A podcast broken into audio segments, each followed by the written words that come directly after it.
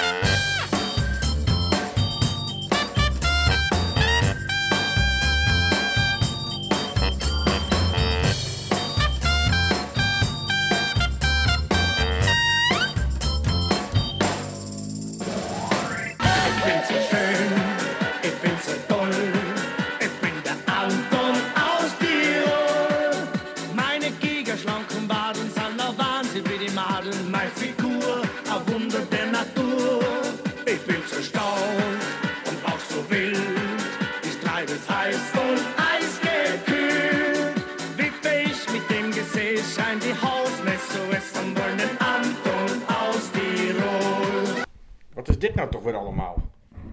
hoezo? Wat is, wat is er nou toch weer, Patrick? Waarom de podcast is nog niet eens begonnen en loopt alweer te mopperen. Waarom beginnen we zo?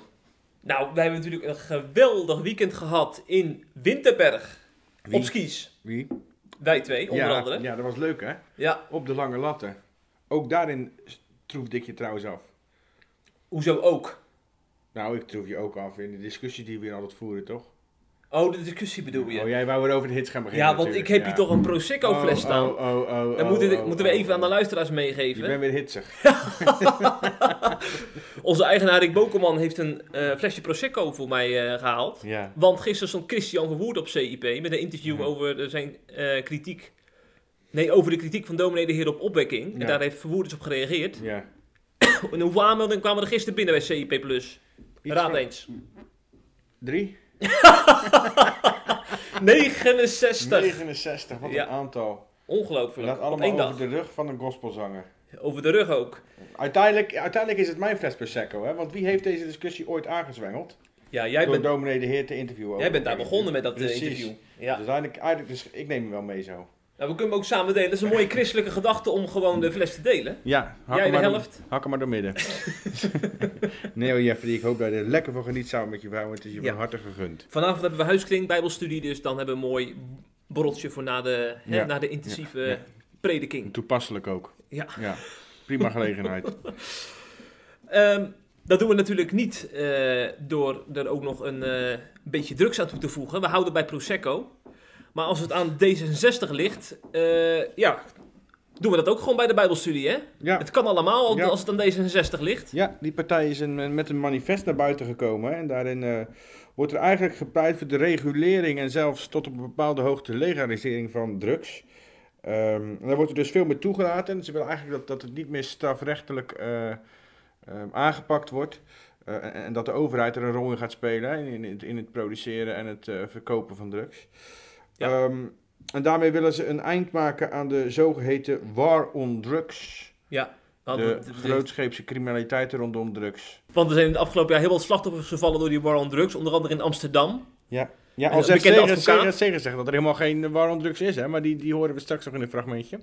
Nou, misschien laten we dan beginnen met Rob Jetten. Dat is natuurlijk de partijleider van D66. Ja, En hij was eh, te gast bij Radio 1 en heeft uitgebreid zijn plan toegelicht. En we laten even een fragmentje horen. Wij zagen, eh, kijk, sinds de moord op advocaat Wiersum, eh, wat natuurlijk een verschrikkelijke aanslag was eh, vorig jaar, september, is de discussie in Nederland over de aanpak van harddrugs weer opnieuw opgeleid. Ja. Daar zag je vooral heel veel aandacht voor nog meer repressie, nog meer war on drugs. Terwijl eigenlijk heel veel experts uit de veiligheidsketen, uit de verslavingszorg zeggen, ja, die war on drugs leidt alleen maar tot meer oorlog en meer drugs. Dus het, Ja. moet, het roer moet om.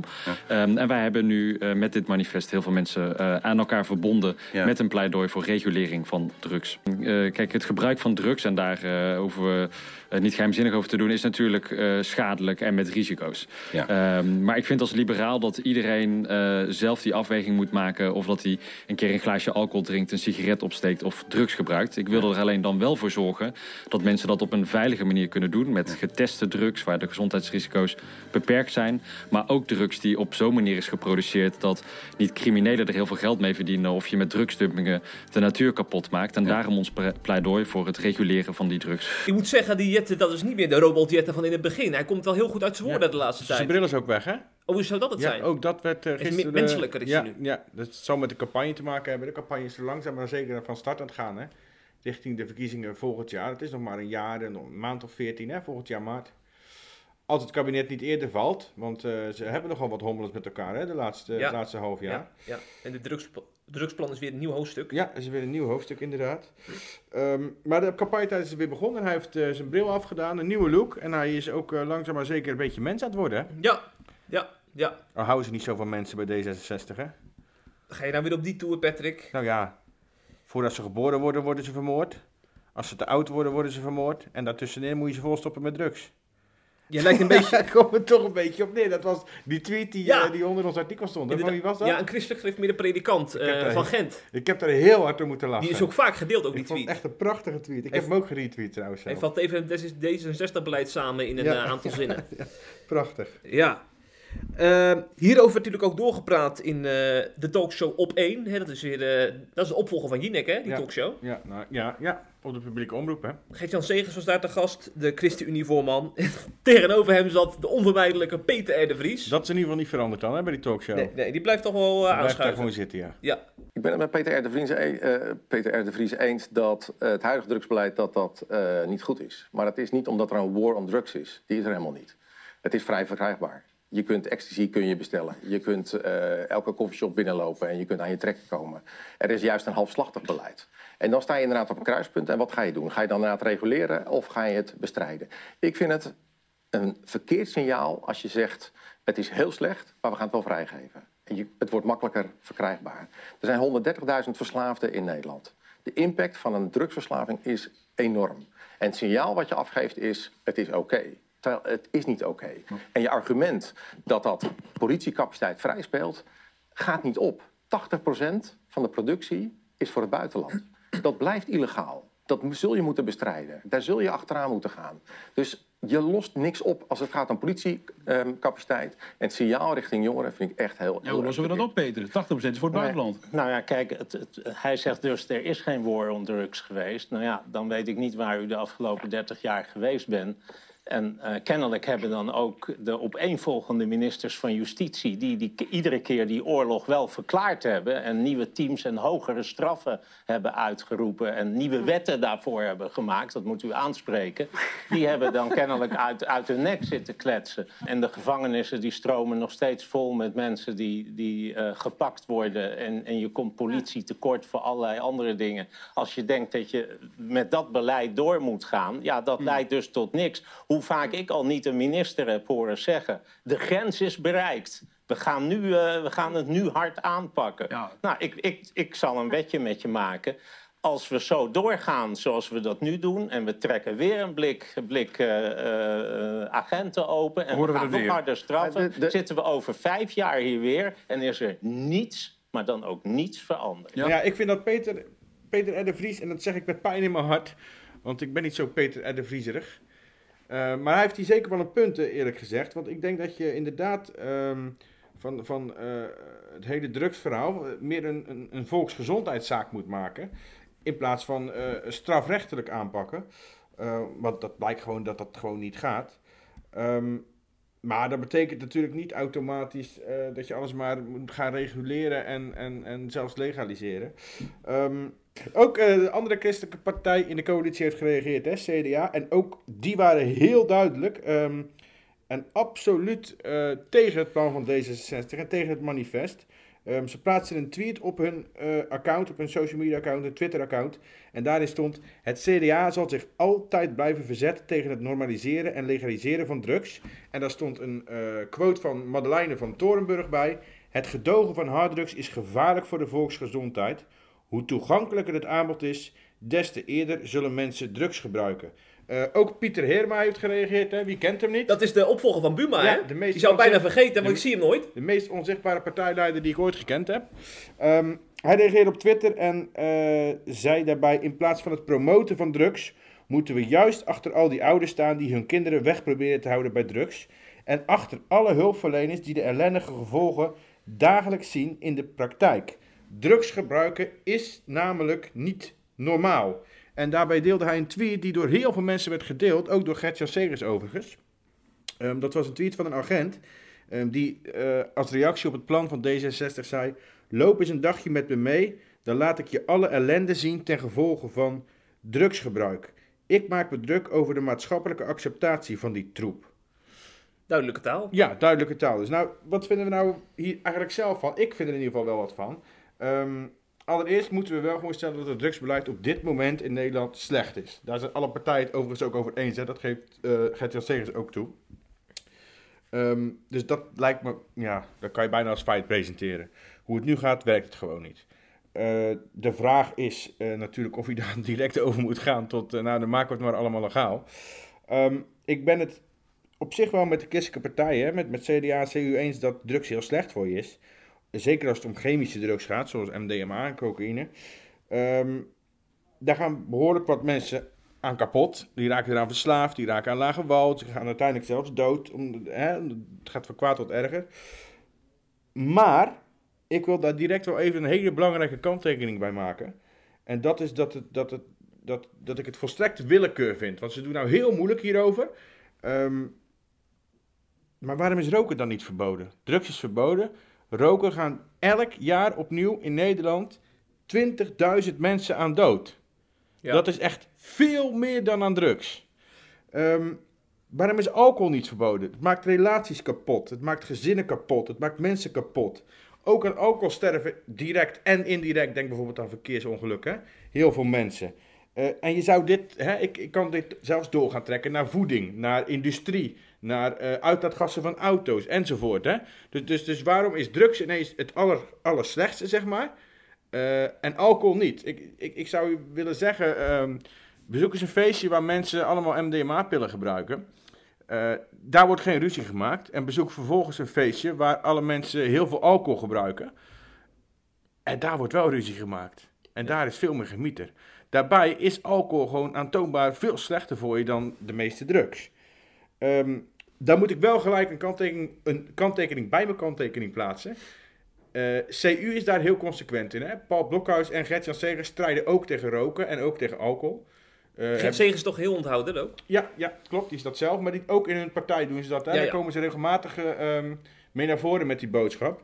Uh, ik vind het een beetje betutteling, heb ik eerder gezegd. Dat vind ik trouwens ook. Maar ze zijn in ieder geval consequent hè, daarin. Mm. Uh, ik wil het trouwens in het verlengde daarvan ook wel even doortrekken hoe dat nou eigenlijk... Hè, we hebben het nu over het algemeen in Nederland.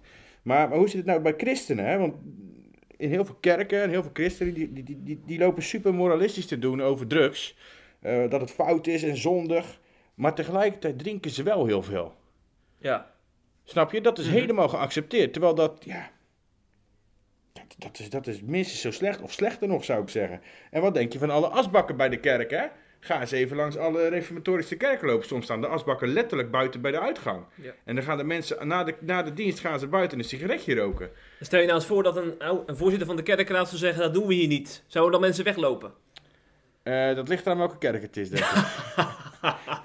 maar dat zou wel een zeker consternatie over ontstaan. Ja, zeker. Ja, uh, gevoelig punt. Ja, precies. En en ik heb het, als ik het over alcohol drink, heb niet over dronkenmanschap. Hè? Ik heb het gewoon over regelmatig drinken. Er zijn heel veel culturen ook, christelijke culturen, in, in, uh, in Oost-Europa bijvoorbeeld, en volgens mij in Zuid-Amerika ook, uh, waar het heel normaal is voor christenen om niet te drinken. Oh ja. Die zien, die zien ja. drank, drinken echt als, als wereldgelijkvormigheid, zeg maar. En ja, natuurlijk, want dat, ik, weet, ik hoorde de reacties alweer. Er wordt in de Bijbel inderdaad gedronken. Um, maar voor zover ik het kan zien, staat het er maar een paar keer. En bij bijzondere gelegenheden, hè, de bruiloft Cana bijvoorbeeld. Mm -hmm. um, bovendien wordt er ook regelmatig gewaarschuwd tegen uh, alcohol. En uh, een hele belangrijke tekst is natuurlijk dat je lichaam een tempel van de Heilige Geest is, wat je goed moet verzorgen. Uh, nou, dat betekent misschien onder meer geen drugs, maar ook geen alcohol dan. En wees daar dan eens consequent in. En ga niet heel erg moralistisch lopen doen over iemand die een jointje rookt, terwijl je zelf elke dag drie eventjes drinkt. Want dat is gewoon veel slechter voor je. Aantoonbaar ook. Juist. Nou, ik moet, ik moet wel eerlijk zeggen, uh, is, is D66 eigenlijk niet uh, christelijker dan we denken? Want wij leven natuurlijk onder de wet van genade, hè, sinds de komst van Jezus. Uh, de, ze toen, toen, uh, Op dit punt bedoel je dan? Ja, ja, ja. ja. ja kan zeggen. Toen, toen heidenen tot geloof kwamen, werd er een mm -hmm. conferentie belegd. Handelingen 15 staat het volgens mij. Het was de ja. vraag, moeten ze zich wel of niet aan de wet houden? Ja. Het, op een gegeven moment is dus gekozen voor, voor de genadekant, zeg maar. Want we, we, leven in vrijheid en vanuit die vrijheid onderwijst de Heilige Geest wat wel of niet zondig is. Dus ik denk dan van ja, als je, als je vanuit ja. die positie denkt, kun je misschien nog wel erin meegaan. Want verboden, dat is toch niet meer van, de, van de tijd naar Jezus? Ja, natuurlijk wel. Hè. Er zijn natuurlijk wel nog steeds richtlijnen in de Bijbel, ook naar Jezus. Tien geboden maar ze worden zijn niet echt opgelegd. De tien geboden zijn natuurlijk niet, eh, die zijn nog wel belangrijk. Hè? Ja, Laten we dat Maar- niet, laten we, vooral, laten we niet doen alsof, alsof je alle wetten maar mag overtreden uit de Bijbel. Hè? Eh, nee, maar er wordt wel, er wordt wel wat volwassenheid meer- van je Je gevraagd. leeft niet meer uit de wet. Dat is iets anders Ja. natuurlijk. Je leeft Ja. uit genade, niet uit de wet. Maar dat betekent natuurlijk niet dat je, Nee. dat je alles maar mag doen. Nee, maar ik begrijp ook uit het verhaal van Jetta dat ze, dat ze vooral een beroep doen op de individuele mens. Ja. En dat doet de Bijbel ook. Ja, precies. Ja. Dus het is niet dat de priester of de past of de dominee in de kerk eh, Nee. moet zeggen van zo doen we het. Dat wordt Nee, niet aangemoedigd precies. of zo. Daar komt overigens nog bij, ehm, wiet, eh, dat is gewoon een natuurlijk product. Dat wordt zelfs als medicijn gebruikt, hè? als pijnstiller bij, eh, bepaalde aan, bij, bij bepaalde aandoeningen waarbij veel pijn komt kijken. Ja. Ehm, en ik denk door het plan van D66, door drugs te, te, te reguleren, ehm, wordt het juist wel veiliger. Hè? Want je hebt nu bijvoorbeeld regelmatig dat er vervuilde pillen, ecstasy-pillen in de omloop komen. Ehm, die gaan verschillende mensen gebruiken en die kunnen daaraan doodgaan dan ook. Hm. Op het moment dat je het gaat reguleren, dat de overheid die pillen produceert en verkoopt, eh, dan ga je dat natuurlijk niet meer hebben, want die, dan worden natuurlijk alleen maar veilige pillen verkocht. Ja. Dus in, vanuit die optiek zou je kunnen zeggen dat het, dat het gewoon zelfs veiliger is. Ehm, al met al vind ik dat het idee van D66 een stuk minder achterlijk is dan het in eerste instantie Mhm. lijkt. Ehm, maar dan moet je er wel voor durven open te staan, voor de argumenten en erover na durven denken. En niet gelijk, want daar zijn we natuurlijk allemaal een beetje toe geneigd, zeggen nee, drugsfout, weg. Snap je? Maar als je er echt goed over nadenkt, het leest, nou dan, ehm, ja, dan, dan zit er wel iets in. Overigens het argument wat ze daarbij gebruiken, eh, verbieden heeft geen zin, dus dan maar reguleren. Dat is natuurlijk een intens dom argument. Hè? Want op, Simplistisch. ja, dan kan je bijna alles, ja, dan kan je alles gaan goedkeuren, zeg maar. Ja. Dus dat, dat is een, een kul argument. Dan kan je alle wetten schrappen, zeg maar. Hm. Ehm, en we moeten wel stoppen met doen alsof drugsgebruik normaal is, hè? want dat is het gewoon niet. Nee. Laten we eerlijk Nee. zijn. Nee. Maar ja, het punt van D66 is natuurlijk vooral mensen doen het. Ja, ja. Ja, en dan eh, kun je wel je kop in het zand steken, Ja. zeggen ze dan. Ja, Dat ik vind het, ja, dat vind ik een goed punt. En nogmaals, eh, ik vind het een beetje hypocriet om daar heel, eh, heel moralistisch hoog in de boom te gaan zitten nu met, met dit, met drugs. Maar eh, ondertussen zelf te drinken of te roken of allebei. Ja. Want dat is eh, ja, minstens zo schadelijk, zo niet schadelijk. Wat ik net zeg, 20.000 doden per jaar in Nederland aan roken. Hm. Nou, daar- die gaan er nooit dood aan drugs, nooit. Mhm. Drugs zorgt gewoon voor veel minder problemen. Ook dan alcohol. Ja, ja. D66 lijkt wel een beetje zo terug te keren naar de, eh, naar de eigen koers. Want ik vind dat ze een beetje waren afgedwaald de laatste jaren. Ook al steeds meer was het opgeheven vingertje hè, van types als Ollongren. Die wilde dan dat er een commissie ging kijken of er nepnieuws eh, eh, eh, in de media plaatsvond. Dat eh, eh, hè, iedereen moest op het vingertje getikt worden, zeg maar, die niet aan de Ja. D66-normen voldeed. Maar Referendum afschaffen. D66 is juist opgericht om, om die liberale, liberale waarden weer te het promoten. referendum, hè? Het referendum ook. hè? Ja. Ja. En in, in die gedachte is het wel echt de D66-tour die we gewend zijn. Absoluut. De ja. partij. Ja, dat is waar. Ja. Dus nou, we gaan kijken of ze daar ook eh, meer stemmen mee gaan winnen de komende tijd. De, de peilingen zullen wel weer gaan eh, komen van Maurice de Hond, komende zondag. Ja. ja. Misschien Ik, eh, denk, effect. ik denk dat de VVD gaat kelderen. Dat Toch niet door dit plan bedoel je? Of- Nee, nee, nee, maar dat Oh, denk ik gewoon over het algemeen. Ja. Dat denk ik. Ja. Over kelders gesproken. Ja, er is een kelder in Ruinerwold. Daar gebeuren dingen die het daglicht niet kunnen verdragen. Nee, dat is wel vaker in de kelder, hè? Ja, ja er is weinig daglicht. Vrij donker, ja. Ja, ja, zeker. En eh, dat is ook weer een dossier waar jij op hebt gezeten deze week, Patrick. Ja. Nou ja, echt op heb gezeten, dat valt ook wel in mee.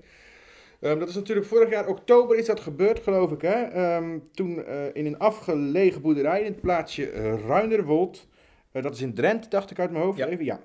Daar werd een volledig gezin met zes volwassen kinderen gevonden. Die, die eigenlijk volledig afgezonderd leefden van de rest van de wereld. Eh, de politie trof daar eh, eh, die kinderen aan samen met hun vader in een boerderij. Ehm, nadat ze binnenvielen omdat een van de kinderen was ontsnapt en, en alarm had geslagen of ergens verward in een café om hulp had gevraagd. Zo was het volgens mij. Ehm, later bleek trouwens dat die kinderen, dat sommige van die kinderen, niet allemaal, ehm, helemaal niet ingeschreven waren in de basisadministratie van Nederland. Hè, terwijl ze al volwassen waren. Dus dat is natuurlijk al heel raar. Ehm, nou ja, er is toen heel veel commotie over geweest. En wat er allemaal aan de hand is, dat is allemaal onderzocht inmiddels. Eh, en daar blijkt behoorlijk wat aan de hand te zijn geweest. Ehm, er was sprake van mishandeling, er was sprake van misbruik. Ehm, ze leefden jaren eigenlijk in afzondering samen met hun vader. Maar er was ook een klusjesman, een Jozef B. En beide, die, zowel die vader als die klusjesman, die worden nu verdacht van vrijheidsberoving. En de vader, ehm, die wordt verdacht van eh, seksueel misbruik en mishandeling. En gisteren was eh, de pro forma zitting, hè? dat is dus geen inhoudelijke zitting. Ehm, nou ja, eh, daar kwamen de meest afschuwelijke details naar buiten. Misschien kunnen we er een stukje van laten horen. Zeker. Ook spreken alle kinderen over fysieke straffen als je onder was. En dat gebeurde al vanaf zeer jonge leeftijd. Vier, vijf jaar. De straffen bestonden uit slaan, soms met een stok of een ander voorwerp. Bestonden uit aan de haren trekken, urenlang in een koud bad moeten zitten. De keel dichtknijpen, soms tot bewusteloos raken aan toe. Ook moesten de kinderen elkaar straffen of samen een straf voor iemand anders bedenken. Ook voor het aan vader ten laste gelegde seksueel misbruik van zijn kinderen. Zijn tweede zoon en de oudste dochter. Zij verklaren beide dat het gebeurde als er een vrouwelijke geest in hun lichaam zat. De geest van hun moeder of van een geestelijke vrouw van vader. Door de wijze waarop dit plaatsvond, konden en durfden zij er geen weerstand aan te bieden. De zoon geeft aan dat hij wel het gevoel had dat zijn vader zich ervan bewust was dat dit niet kon. Zo zorgde hij er altijd voor dat er niemand achter kon komen. Hij bond bijvoorbeeld de deur vast of bond het luik naar zolder, waar de andere kinderen sliepen, vast. Ja, en zo te horen eh, heeft het ook nog wel, wel een, een religieus kantje als je naar Ja. die eh, aspecten Ja, het luistert. heeft een behoorlijk religieus kantje eigenlijk. Want, want ehm, eh, zowel die vader als die klusjesman die behoorden ooit tot de zogenaamde Moonsecte. Ehm, tot de Inner Circle zelfs, op een bepaald, op een bepaald moment. Eh, en het lijkt er nu op dat ze eigenlijk een soort eigen religie, of, of secte, net hoe je het wil noemen, aan het creëren waren. De vader was bijvoorbeeld bezig met het schrijven van een soort geloofsbelijdenis. Ehm, hij nam filmpjes op, waarin hij eh, zijn gedachten uiteenzette over God en hoe de wereld in elkaar zit. En over, en opvallend daarin, daaraan was dat het heel veel over de geesteswereld ging. Eh, en dat kwam tijdens de zitting eigenlijk ook al naar voren. Dat ehm, heel veel van zijn wandaden die hij deed, dat kwam voort uit, nou ja, ik zou bijna zeggen, ehm, psychisch gestoorde gedachten over geesten. Over boze geesten bijvoorbeeld. Ehm, soms zei hij bijvoorbeeld dat, hij aanvoelde dat een van de kinderen eh, eh, een boze geest in zich had. En dat werd, dan werd dat kind maanden, soms tot maandenlang opgesloten, helemaal geïsoleerd, alleen in een ruimte. Ze werden bijvoorbeeld wel eens in het hondenhok opgesloten. Net zolang tot die boze geest dan volgens die vader vertrokken was. Ehm, en, en ook het misbruik van, eh, met, een van, met van zijn zoons en een dochter, eh, de enige dochter was dat, ehm, schrijft hij toe aan geesten. Hij zei dat de geest van de overleden moeder, die was al gestorven, in die kinderen kwam en dat hij daardoor seks met ze wilde. Ja, dat is, het is te bizar voor woorden als je erover Nou, nadenkt. nou, nou, nou. Ehm, echt knettergek zou ik zeggen. Ehm, daar komt bij, gisteren eh, was, was die proforma zitting dus, en daar was die klusjesman aanwezig. Die vader was er niet, die had een eh, herseninfarct gehad uit mijn hoofd. Ja. Of Een hersenbloeding was het, hersenbloeding. Oh ja. Dus die kon niet aanwezig zijn. De Jozef B. was er eh, wel bij en die ge- had het regelmatig over het geloof. Hè? Hij zei bijvoorbeeld tegen de rechters, eh geloven jullie in God, anders heb je hier helemaal niks over te zeggen. Eh, of bidden jullie wel eens, vroeg hij. Ehm, eh, hij beriep zich ook op de vrijheid van godsdienst. De advocaat, een Moskowitz ter, teller. Niet de advocaat van de duivel. Nee, nou, dat zou je bijna zeggen.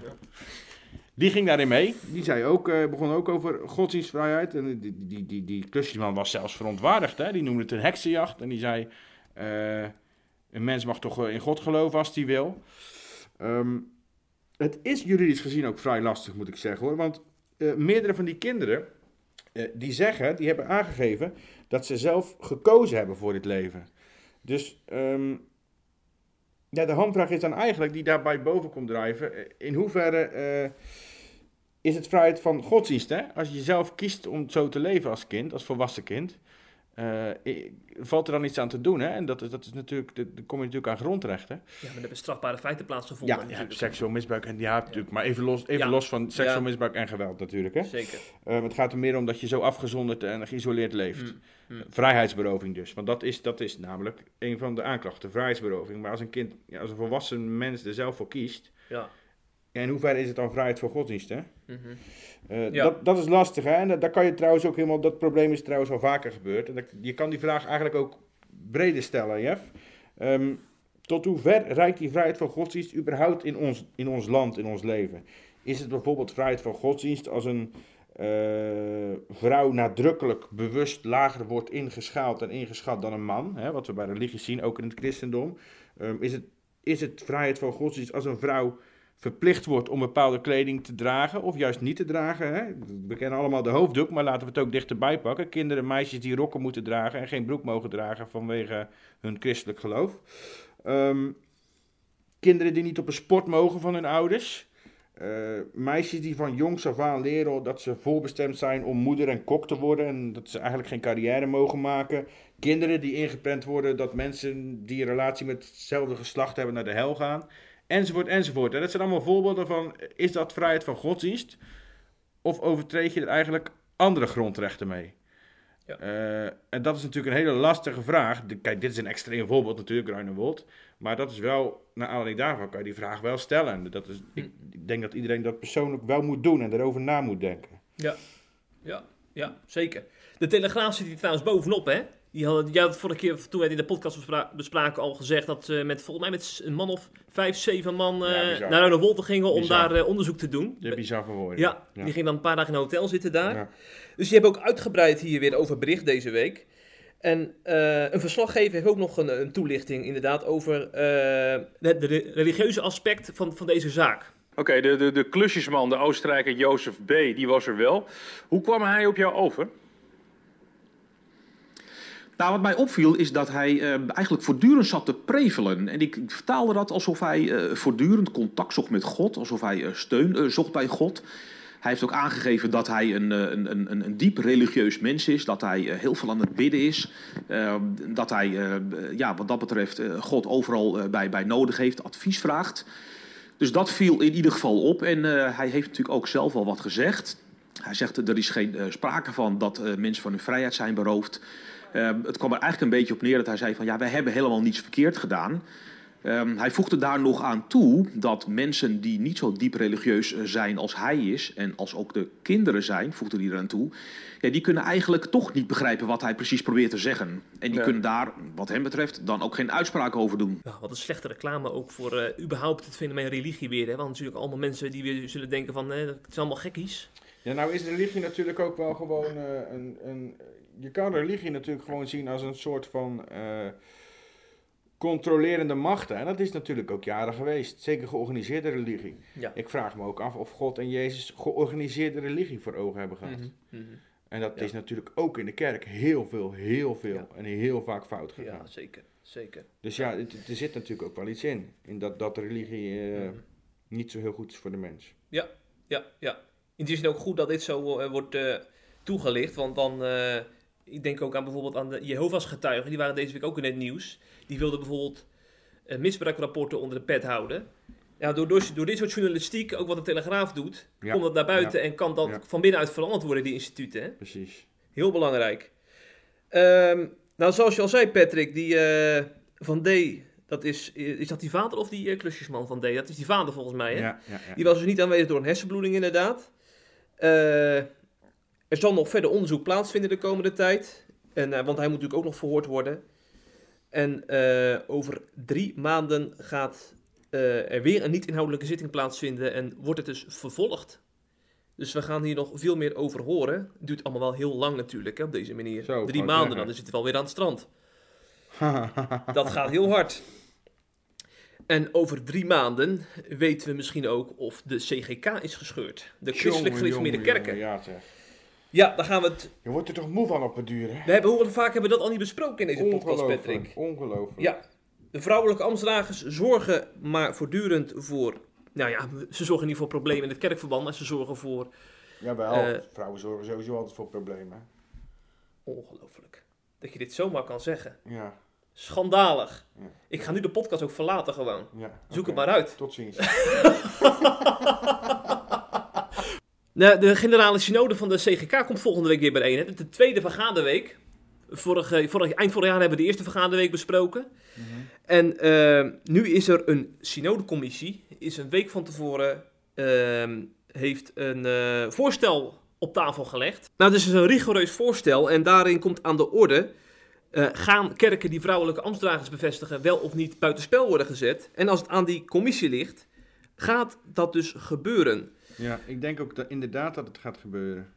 Ja, die kant gaat er nu wel op. En ehm, om nog eventjes eh, hier naartoe te werken, laten we een fragmentje horen van dominee Scheno. Hij is de synodevoorzitter van de generale synode, dominee in Nunspeet.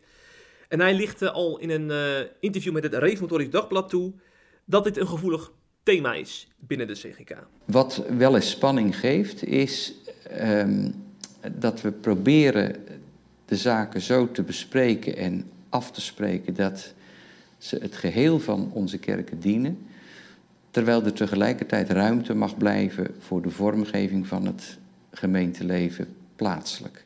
Ehm, in 1998 hebben de christelijke kerken een besluit genomen over vrouw en ambt. En nu is er het verzoek om dat besluit nog weer eens tegen het licht te houden. Is er niet toch meer ruimte op dat punt?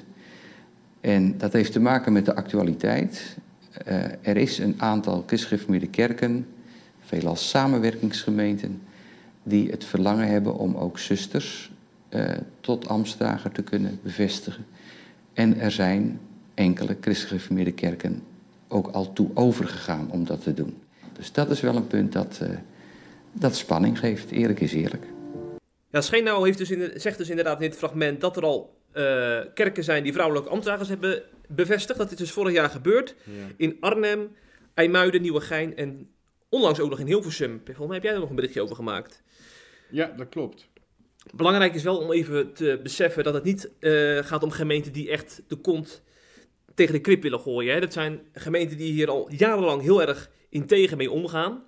Het zijn samenwerkingsgemeenten, dus een, een deel van die uh, gemeentes die is afkomstig uit een kerk waarin het wel gebruikelijk is om vrouwelijke ambtsdragers uh, in te zegenen. De ja. Nederlands gereformeerde en de gereformeerd vrijgemaakte kerken. Ja. In 42% van de christelijk gereformeerde kerken wordt er trouwens samengewerkt met die Nederlands gereformeerde en vrijgemaakt. Dus het is heel relevant waar we het nu over hebben. Dus bijna de helft van de kerken. En uh, in 1998 is tijdens een eerdere generale synode besloten dat de vrouw in het ambt dus niet, niet uh, gebruikelijk is in de christelijk gereformeerde kerken. Maar het is niet bestemd als onbijbels. Dus er is toch wel een soort van grijs gebied waarbij uh, kerken de vrijheid hebben om, uh, om, hier toch eigen beleid op te maken. Ja. Want ze gaan niet een bepaalde grens over. Dus er wordt ook bewust vrijheid gegeven aan lokale kerken. Dat is, dat is een traditie in het CGK. En de PK niet meer, hè? Nee, nee dat, is, dat is ook weer een andere kwestie ja, trouwens. Ja. Ze gewoon, dat is andersom, hè? Daar willen ze dus de gereformeerde bond dwingen om vrouwen toe te laten tot het ambt. Ja. Belachelijk. Maar goed, bizar. dat terzijde, ga verder. Ja. Um, en nou, als het aan een aantal conservatieve CGK-broeders ligt, is dat dwingen dus ook van toepassing op samenwerkingsgemeenten om die vrouwen dus niet toe te laten. Hè? Ja. En uh, eigenlijk gaat die commissie daar dus in mee. Um, want die commissie heeft namelijk uh, dus een nieuw voorstel op tafel gelegd. En daarin worden een aantal dingen concreet gemaakt als het aan die commissie ligt, uh, wordt er, worden er geen nieuwe samenwerkingsgemeenten gestart met die Nederlands gereformeerden en de vrijgemaakten. Mm -hmm. uh, worden de banden met die vrijgemaakten afgeschaald. Uh, geldt in samenwerkingsgemeenten de minst verstrekkende kerkorde. Dat, dat is, wil dus zeggen dat uh, in samenwerkingsgemeenten geen vrouwelijke ambtsdragers worden bevestigd, omdat dan de orde van de CGK geldt. En komt er een bezinningsproces op gang om um, ja, die, die binnenkerkelijke verschillen, dus over homoseksualiteit, over vrouwen in het ambt, om die weer eens onder de, onder de loep te nemen met een frisse blik. En um, dat zijn nog eens vergaande voorstellen. En er komt nog eens bij dat ze twee opties op tafel hebben gelegd, die dus ook volgende week behandeld gaan worden bij de synode. Hè? Dus dan gaan ze die opties ook bespreken. En bij beide opties uh, is dus eigenlijk de consequentie een breuk. Namelijk ja, de ene optie is uh, dat gemeenten die vrouwelijke ambtsdragers inzegenen bij de kerkelijke vergaderingen regionaal uh, geen stemrecht meer hebben. Dus ze schuiven alleen als waarnemer aan. Yeah. Ja, in, in, dat betekent dus een breuk, yeah. want dan hebben ze niks meer te zeggen. Yeah. Die tweede gaat nog verder, dat ze namelijk de kerkorde gaan wijzigen. Waardoor dus ook kerkrechtelijk het mogelijk wordt om kerken buitenspel te zetten. Dus die vrijheid die nu in kerken geldt, hè, om lokale kerken ook wat vrijheid te geven in, uh, in het beleid voeren, dat ze die dus aan banden gaan leggen. Nou, en dat, dat is, gaat dus echt behoorlijk ver. Want dan ga je dus landelijke kerkafspraken ga je een soort van opleggen aan eh, lokale kerkenraden. En dan is het hele CGK-DNA is dan eigenlijk gewoon verdwenen. Waar, waar, ze, waar dominee Roel Kelder op wijst in een tweet, gereformeerd vrijgemaakte predikant. Hij zegt dus dat de CGK juist altijd werd bewonderd eh, vanwege de wijze hoe ze omgingen met onderlinge verschillen. Hè? Elkaar accepteren, maar toch eh, en aanvaarden in Christus en ook wel je eigen beleid kunnen voeren lokaal. Gaan ze het ook nog over Christus hebben trouwens tijdens de synode of is dat niet belangrijk? Nou, nou de CGK'ers ken ik wel als mensen die heel veel waarde hechten aan Christus. Terwijl ook... Nee, ik ga het me niet om het CGK, het gaat me om het, om het begrip synode gewoon. Oh, daar gaat het jou om. Ja, ik word er heel ja. moe hiervan. Van Nou, maar dit is dus wel het gevolg van zo'n eh, kerkelijk systeem, hè? Van georganiseerde religie. Ja, waar we het ja net waar we net over Ja. hadden. Want dan heb je dus te maken met, met afspraken. Maar er is in de Bijbel is er zoveel ruimte voor interpretatie. Wanneer gaan christenen gewoon eens weer bij elkaar komen en het brood breken, zoals de discipelen deden nadat Jezus eh, eh, gestorven en opgestaan was. En Ja. bidden. Dat stond er. Niet de uren vergaderen over wat een vrouw moest doen. Ik word er echt, echt heel moe van. Los daarvan. Wat is, misschien ben ik wel heel simplistisch en naïef hoor. Maar waarom kan je dat gewoon niet per kerk beslissen?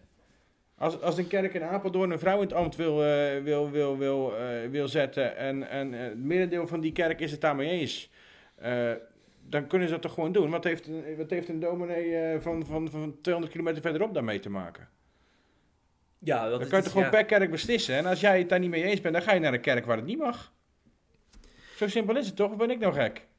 Ik Ja. word er echt, echt heel moe van hoor. Ja, maar je moet niet vergeten dat hier natuurlijk al zoveel rapporten over zijn verschenen vanuit dat, de dat CGK. bedoel ik dus, daar word ik zo moe Maar je, je kunt dus natuurlijk, eh, subtiel kun je tot, tot, tot de conclusie komen dat dit niet kan. En dan, dan moet je ook grenzen stellen. Dan moet je ja, daar voor jezelf, niet voor een ander. Ja, ja maar dat, Niet dat- voor een kerk 200 kilometer verderop. Daar heb je helemaal niks mee te maken. Concentreer je op je eigen kerk. Daarin zitten genoeg mensen die problemen hebben die je kan begeleiden. Ehm, die, die, die geloofsopbouw nodig hebben, geloofstoerusting nodig hebben, die misschien nog helemaal niet geloven. Eh, je buurman is misschien ongelovig, of je buurvrouw, of je, je verre neefje, of de overbuurman. Die is misschien heel eenzaam, die heeft eten nodig, kun je elke avond voor koken. Hou je daar eens een keer mee bezig als christen. En niet met deze onzin elke keer. Ik ben het echt zo beu. Maar de consequentie van deze manier van denken is dat je op een gegeven moment dus geen kader meer hebt. Terwijl je. Maar gewoon Christus naleven. Ja, ja, wat een consequentie, hè. Ja, maar op een gegeven moment komen er dan ook dingen op tafel die wel een grens overgaan, in, misschien in jouw ogen. En dan heb, je dus, dan heb je dus die vrijheid en dan gaat het alsnog mis. Die kaders worden niet voor niks geschapen natuurlijk ook. Hè. Dat is natuurlijk ook om... om Geschapen, ja, die worden toch geschapen? gecreëerd. Gecreëerd bedoel ik. Ja. Die worden natuurlijk niet voor niks gecreëerd. Nee, dat, dat doen ze ook, zeg maar, om eh, te voorkomen dat, eh, dat er... Ja, maar dat, eh, gaat, ik, dat begrijp ik wel. Ja. Maar de discussie gaat zo langzamerhand, dat is met homoseksualiteit hetzelfde. Ja. Ehm, je kent nog meer die hete hangijzers wel. Dit, op het duur gaat het allemaal ten koste van het geloof, ten koste van God, ten koste van Jezus, ten koste van het beeld wat mensen van ons als kerk en ons als christenen hebben. Ehm, ga maar eens gewoon weer de voeten wassen van elkaar.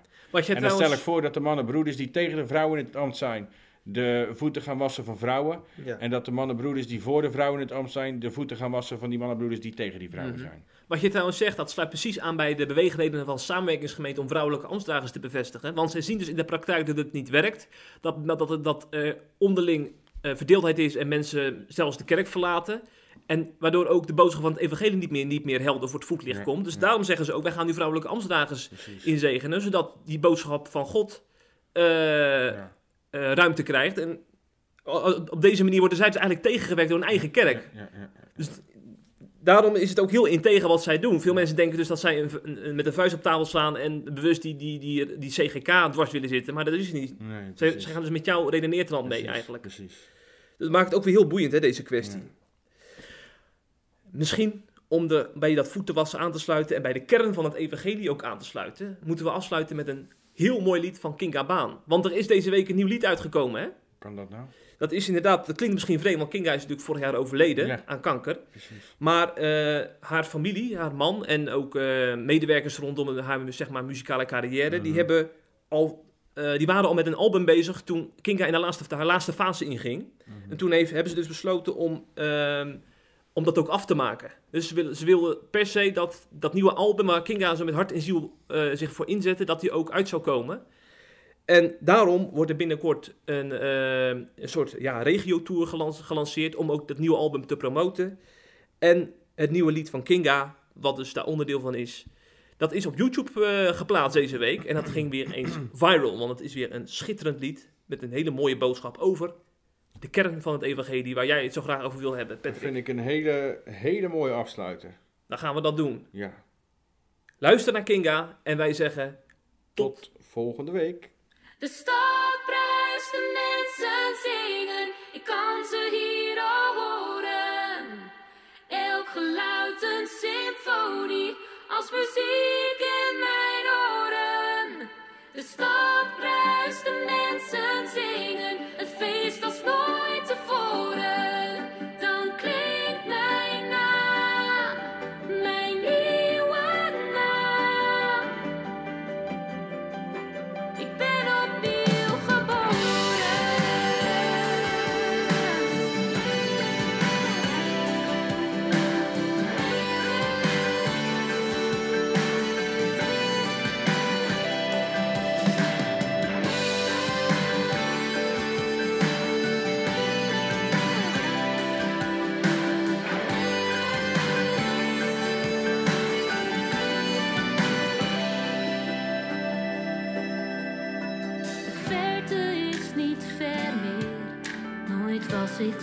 dichtbij. De stad waar ik zal wonen en waar ik thuis zal zijn. Mijn passen worden trager, ik weet niet wat er komt.